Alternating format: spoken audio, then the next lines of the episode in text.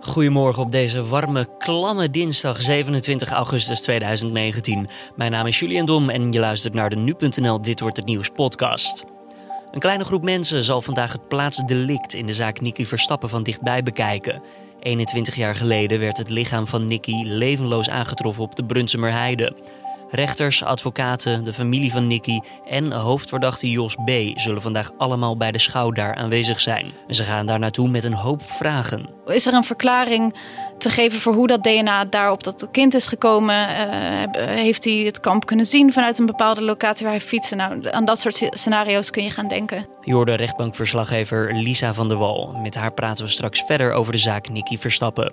Maar eerst kort het belangrijkste nieuws van nu. In de VS is de doodstraf geëist tegen de man die verdacht wordt van doodschieten van elf mensen in een synagoge. De schietpartij vond vorig jaar plaats in de stad Pittsburgh. De 46-jarige Robert Bowers liep al schietend de synagoge in, waar op dat moment een sabbatdienst gaande was. Volgens de autoriteiten probeerde hij zoveel mogelijk Joodse slachtoffers te maken. Zelf bepleitte Bowers voor zijn onschuld in alle 63 aanklachten. Farmaceutisch bedrijf Johnson Johnson moet zo'n 515 miljoen euro betalen. Dat vanwege de opiatencrisis in de Verenigde Staten. Volgens een rechter in Oklahoma is het bedrijf verantwoordelijk voor het op de markt brengen van zware, verslavende pijnstillers. De openbaar aanklager van de staat had ruim 17 miljard dollar geëist. Met het geld moet de farmareus de staat helpen om de verslavingsepidemie aan te pakken. Sinds 2000 zijn al honderdduizenden Amerikanen overleden aan overdoses van pijnstillers. Johnson Johnson is nu het eerste farmaceutische bedrijf dat berecht is voor zijn rol in de opiatencrisis. Een Syriër die in Duitsland heeft gespioneerd voor de Syrische staatsveiligheidsdienst moet Nederland verlaten. Hij had hier asiel aangevraagd. Ook heeft de man een inreisverbod van 10 jaar gekregen. Volgens de rechter speelde de man tijdens zijn verblijf eerder in Duitsland informatie door aan de Syrische Veiligheidsdienst. Het ging om informatie over oppositieleden die in dat land verbleven. Het ministerie van Justitie en Veiligheid stelt dat de Syrische dienst op grote schaal arrestaties verrichtte en zich schuldig maakte aan marteling. Volgens justitie vormt de man daarom nu een gevaar voor de openbare orde en veiligheid in Nederland. En de leiders van de G7 hebben besloten om 18 miljoen euro vrij te maken voor noodhulp bij de bestrijding van bosbranden in de Amazone. Het geld gaat naar Brazilië en haar buurlanden. De noodhulp is vooral bedoeld om meer blusvliegtuigen te kunnen inzetten. De natuurbranden in de Amazone werden door de Franse president Emmanuel Macron bovenaan de agenda geplaatst, nadat hij ze tot een wereldwijde noodtoestand verklaarde. Macron beschuldigde ook de Braziliaanse president Jair Bolsonaro er vorige week van niet genoeg aan milieubescherming te doen. Bolsonaro reageerde woest en hekelde Macrons koloniale instelling. En dan ons nieuwsonderwerp van deze dinsdag. Het nieuwe hoofdstuk in de zaak Nicky Verstappen. Vandaag vindt er een schouw en een niet-inhoudelijke zitting plaats. De dag zal beginnen met deze besloten schouw op de Brunsumer Heide. Op die locatie werd namelijk het lichaam van de jongen op 11 augustus 1998 gevonden. Rechtbankverslaggever Lisa van der Wal legt aan collega Carne van der Brink uit wat een schouw precies is. Een schouw is eigenlijk een soort woord voor je gaat naar de plaats waar een bepaald feit zich heeft voorgedaan. Nou, in dit geval uh, de plek waar Nicky uh, om het leven is gekomen.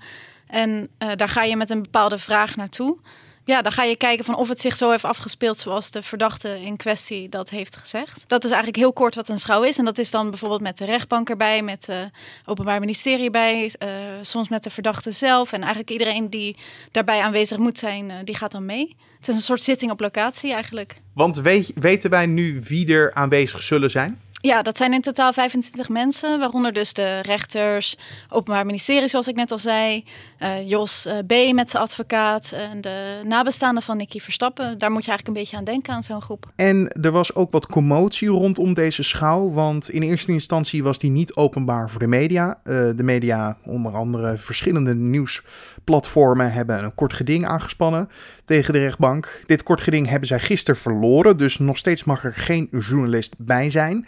Maar in hoeverre is dit anders dan normaal? Want zijn schouwen altijd gesloten voor journalisten? Nou, je moet dus niet zo zien. Het is niet zo dat er in elke rechtszaak een schouw wordt gehouden. Dat, dat is gewoon niet zo, want heel vaak is dat gewoon niet nodig. Uh, maar vooropgesteld is een, een schouw is een zitting op locatie. Een zitting is in de. In principe is dat openbaar, dus daar is, is de pers wel vaak aanwezig. Dan wordt er natuurlijk altijd gekeken naar: oké, loopt de pers niet in de weg? Je moet denken aan. er was recent was een, een schouw gedaan in de zaak van de Staatsliedenbuurt, van die fatale schietpartij die daar toen plaatsvond. Van, toen had een, een, iemand in die zaak had gezegd van ik herkende diegene die op me af kwam rijden in die auto. Nou, toen is, is die rechtbank is, naar die plek gegaan. S'avonds was dat, een beetje schemerig. En heeft toen gekeken van als die auto er met die snelheid aankomt rijden, kan ik dan zien wie achter het stuur zit, wie op de passagiersstoel zit. Dus zo moet je dat eigenlijk voor je zien. Dus het wordt niet super vaak gedaan. En het is dus ook niet zo dat, dat uh, zo'n kort geding als dat we uh, vrijdag zagen, en natuurlijk dan gisteren de uitspraak, dat dat aan de lopende band gebeurt. Nee, dat, dat is uh, niet het geval.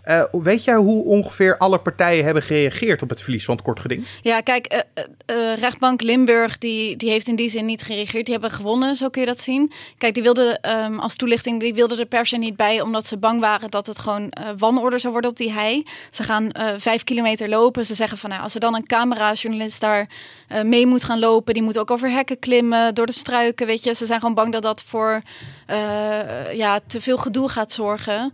En de journalisten aan de andere kant zeiden van ja, maar uh, rechtspraak openbaar. We willen gewoon een gedegen verslag kunnen doen van wat er daar gebeurt. Wij willen dan ook kunnen zien wat er daar gebeurt. Dus dat waren eigenlijk de partijen tegenover elkaar. Nou, je kunt je voorstellen dat er nu natuurlijk aan de, aan de kant van de verliezende partij wat teleurgestelde reacties zijn. Maar ja, we, we gaan het nu gewoon uh, zien hoe het gaat lopen. Ja, en dat is ook nog wel gek, hè? want het is niet alleen de media die het kort geding had aangespannen. De advocaat van Jos B. had zich ook uh, bij dit initiatief aangesloten, toch? Ja, klopt, klopt. Uh, Gerald Roethoff is dat, die uh, vertegenwoordigt Jos B. En die zei eigenlijk van, ik, ik zie niet waarom journalisten niet aanwezig mogen zijn bij de schouw. Het is uh, niet gebleken dat zij, hebben, dat zij niet te vertrouwen zijn met afspraken. Van als je van tevoren afspraken maakt van dat ze die zouden schenden. Er is gewoon geen enkel blijk van. En hij zegt van, mijn cliënt die heeft gewoon baat bij um, verslaggeving. Die heeft gewoon baat bij dat iemand objectief verslag doet van wat er daar gebeurt. Hij wil graag, graag openheid. Dus hij had zich aan, aan de kant van de media inderdaad gevoegd in de zaak. Maar laten we dan even praten over de schouw in zijn algemeenheid. Want waarom vonden de rechters het noodzakelijk om ter plekke te gaan kijken? Ja, dat, dat heeft alles te maken met hoe die, hoe die situatie toen daar was. Jos B. die gaat waarschijnlijk daar verklaren hoe zijn DNA dus op Nicky Verstappen terecht is gekomen. Uh, toelichting daarbij zijn, zijn 21 DNA-sporen zijn er gevonden op uh, Verstappen, grote deel ook op de binnenkant van zijn ondergoed en op zijn ondergoed uh, aan de buitenkant. Nou, um, het idee is dus nu dat, die, dat ze teruggaan naar die belangrijke plekken daar in, op de Brunsumerheide en dat ze gaan kijken van is er een verklaring te geven voor hoe dat DNA daar op dat kind is gekomen. Uh, heeft hij het kamp kunnen zien vanuit een bepaalde locatie waar hij fietsen? Nou, aan dat soort scenario's kun je gaan denken. Maar het is 21 jaar geleden sinds Nicky Verstappen is overleden. 21 jaar is een lange tijd. Uh, het gebied is denk ik dan ook flink veranderd in die tijd. Ja, sowieso. Ja. De begroeiing is natuurlijk anders. Daar staat een boom uh, die er nu niet meer staat, bij wijze van spreken. Maar daar wordt ook rekening mee gehouden. En er, ja, er zijn ongetwijfeld experts die aan de hand van foto's kunnen zeggen van nou hier stond eerst een boom, dus daar hou daar even rekening mee. Weet je, uh, zo moet je dat, uh, dat wordt echt allemaal wel goed nagelopen. Ja, want anders zou je de vraag moeten stellen natuurlijk in hoeverre kan je de informatie van 2019 naast die van 1998 leggen. Maar daar wordt dus gedegen naar gekeken. Ja, daar wordt gedegen naar gekeken. En het is ook voor de rechters goed om te zien hoe, hoe zo'n gebied er eigenlijk ook uitziet. Want ja, als je zelf niet op de Brunsumer Heide bent geweest, is dat misschien ook lastig om te zien van, goh, wat is 50 meter afstand nou, wat is 100 meter afstand nou op de, op de heide. Dat is toch heel anders dan 100 meter afstand in een woonwijk, bij wijze van spreken. En kan je mij een beeld geven van hoe groot nou zo'n operatie is, zo'n schouw? Ja, uh, ze hebben het nu. Uh, kijk, in de voorbereiding zit natuurlijk heel veel tijd. Want je moet het alles zo, zo nalopen als... Uh, zo gedegen mogelijk natuurlijk nalopen. De groep is niet heel groot. Het is, uh, ze, hebben, ze willen natuurlijk zo min mogelijk mensen daar aanwezig, dat het uh, een, een ordentelijk verloop zal krijgen. Dus eh, ja, zoals ik net zei, 25 man, dus niet een hele grote groep. Maar wel de personen die er moeten zijn, die zijn er aanwezig. En nou, qua beveiliging natuurlijk ook, want het is een groot gebied. Dat moet goed beveiligd worden, denk ik ook. Dat niet een, uh, iemand die daar niet hoort opeens uh, het veld op komt rennen. Nee, klopt. Er is ook van tevoren een noodverordening afgegeven. Dus dan zeg ik even uit mijn hoofd, maandagavond om 6 uur is dat volgens mij ingegaan. 6 uur s avonds. En volgens mij gaan ze dus het hele terrein ook schoonvegen, bij wijze van spreken, met militairen die gaan kijken van oké, is er nu nog iemand in dit gebied? Zo ja, dan wordt hij eruit gezet. En ja, op dinsdag zelf zal de beveiliging natuurlijk ook aanwezig zijn. Politieagenten. Nou, de groep is dus niet heel groot, 25 man. Maar weten we iets over de beide partijen, hoe zij naar de schouw gaan kijken? De familie van Verstappen en de kant van Jos B? Voor de familie van Verstappen is dat natuurlijk emotioneel. Want die zijn dan natuurlijk met de verdachte op de locatie waar hun kind of hun, hun broertje uh, die 21 jaar geleden om het leven is gekomen. Dus je kan je voorstellen dat dat natuurlijk heftig is. Ja, en, en, voor, en voor de rest is het gewoon een, een, een. Er is van tevoren is er een route uitgestippeld en die gaan ze lopen met z'n allen. En dan zullen er gesprekken plaatsvinden. Kunnen rechters kunnen vragen stellen. OM kan vragen stellen. De advocaat kan dingen inbrengen. Dus ja, eh, zo moet je dat eigenlijk voor je zien. Hoe, hoe zal er verder gekeken worden naar de schouw? Hoe zal bijvoorbeeld resultaten hiervan worden meegenomen? Hoe gaat het uiteindelijk verder? Ja, dat, daar weten we eigenlijk, en dat is misschien een heel flauw antwoord, daar weten we pas meer van zodra wij weten wat er bij die schouw is gebeurd. Dus er is vandaag natuurlijk ook een uh, niet-inhoudelijke zitting in de zaak, waarin wij, als het goed is, uh, te horen krijgen wat er dus die ochtend op de Brunsumerheide is gezegd en gedaan en gebeurd. En um, ja, de uiteindelijke conclusie, die zullen we natuurlijk pas bij de uitspraak gaan meekrijgen. Ben je aanwezig bij die niet-inhoudelijke zitting? Ja, Zeker, en dat is dan in de rechtbank in uh, Maastricht. Dus alle updates vandaag krijg je van Lisa van der Wal, rechtbankverslaggever bij nu.nl. Dan verder nog even de nieuwsagenda voor deze dinsdag. Zo wordt er een nieuwe poging uitgevoerd om de eerste onbemande Soyuz-raket te koppelen met het internationale ruimtestation ISS. Afgelopen zaterdag mislukte de poging nog. En er is ook sport vandaag. Op de tweede dag van de US Open komen namelijk alle Nederlanders in actie. Bij de mannen neemt Robin Haase het in de eerste ronde op tegen de Argentijn Diego Schwartzman. En Kiki Bertens wacht een krachtmeting met de Spaanse Paula Badoza. Richel Hogenkamp treft de Kroatische Donna Vekic. Dan ook nog even het weer voor vandaag. Opnieuw zonnig en tropisch warm. De temperatuur die loopt uiteen van 28 graden aan de kust tot 32 graden in het zuidoosten en oosten van het land.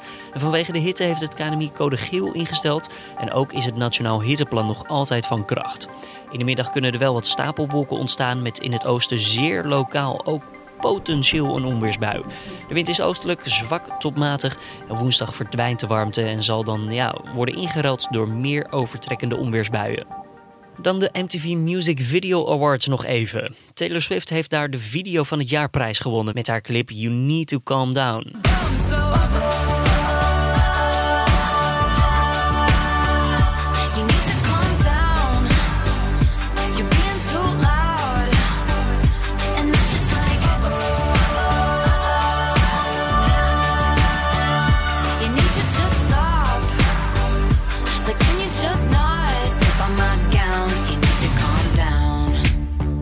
Toen Swift de prijs in ontvangst mocht nemen, maakten ze ook nog even een politiek statement richting het Witte Huis.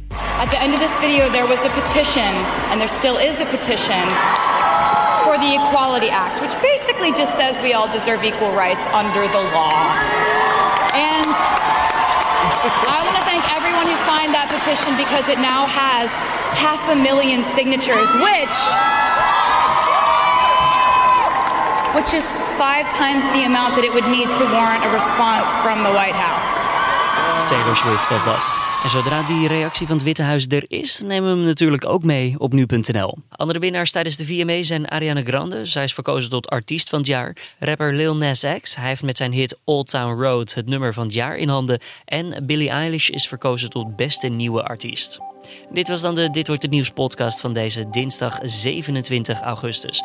Heb je tips voor ons of feedback? Kan je het altijd naar ons toesturen via podcast.nu.nl. Zijn we blij mee en doen we echt wat mee.